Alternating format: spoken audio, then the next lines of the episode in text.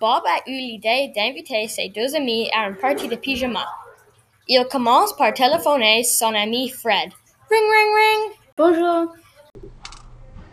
Bonjour, est-ce que tu veux aller chez moi pour une fête de pyjama? Oui, je veux aller chez toi. Qu'est-ce que j'ai besoin pour la partie de py- pyjama? Tu n'as pas besoin d'apporter rien et nous allons aussi manger le euh, dîner. Est-ce que tu aimes la pizza? Nous avons le pepperoni et le fromage. Oui. La pizza arrive à 7 heures, mais tu peux aller chez moi à comme 6h30. Est-ce que tu peux téléphoner à Sam? Oh, oui, je peux. Au revoir. Au revoir.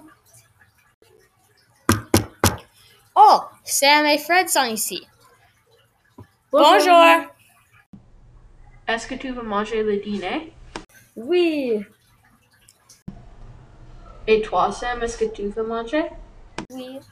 Ça, c'est bien. Alors, euh, les trois amis ont mangé le dîner ensemble avec le- la famille de Fred. Après qu'ils ont mangé, ils commencent par danser à un- une chanson qu'ils ont décidée, Regardez-moi tout le monde. dit Bob.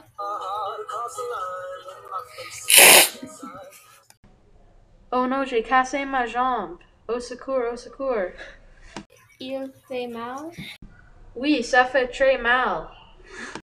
Nous aurons besoin de téléphoner l'ambulance. Pip, pip, pip. Bonjour, monsieur. Bonjour. Qu'est-ce Mon- que c'est le problème? Mon fils brisait cha- sa jambe. Oh oui, qu'est-ce que c'est l'adresse? Un, deux, trois, euh, plus essentiel. D'accord, nous allons envoyer des personnes là maintenant. Au revoir. Au revoir. Oui, oui, Bob était pris à l'hôpital par l'ambulance et sa jambe était mise dans un clatre.